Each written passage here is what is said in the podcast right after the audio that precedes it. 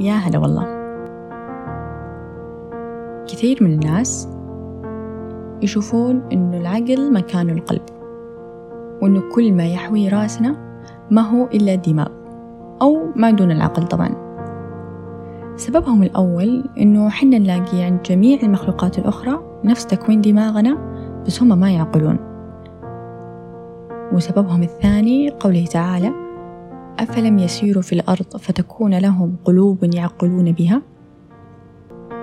بس بعيدا عن مكانه وعن ما إذا كان بالرأس أو بالقلب الأهم من كل ذلك إنه عمر القلب والعقل ما كانوا مختلفين.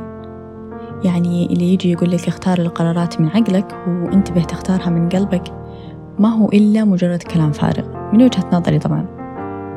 الحقيقة إنه ما هو زر نقدر نضغطه فتتوقف أوامر العقل والقلب كذلك. عقلك حتى لما تعطيه فرصة راحة تاخذ إجازة عن العمل أو تبعد أو تختلي بنفسك هو ما يوقف تفكير. يظل شغال دائما سواء كنت واعي له أو لا هو مستمر بتدفق الأفكار والمعلومات والتحليل والأوامر. وقلبك كذلك. حتى لو أبعدت عنه كل من سكن فيه ما راح يوقف عن الشعور. لذلك لما تجي تفصل بينهم الاثنين ما راح تقدر. ولا في قرار أنت تتخذه إلا أنه طالع منهم هم الاثنين.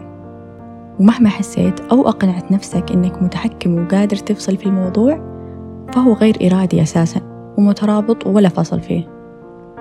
بس إذا ودك توصل لقرار أفضل بجميع الأحوال دائما انصت لصوتك الداخلي وتكلم مع ربي. حاول تستمع لهذاك الصوت اللي ما حد يقدر يسمعه غيرك أنت.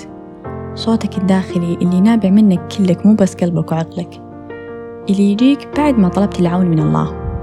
وغالبا يكون على صواب. بس لو عرفت تسمعه زين. ولو أعطيت قراراتك وقتها وتأنيت وبعدت عن شماعة القلب والعقل.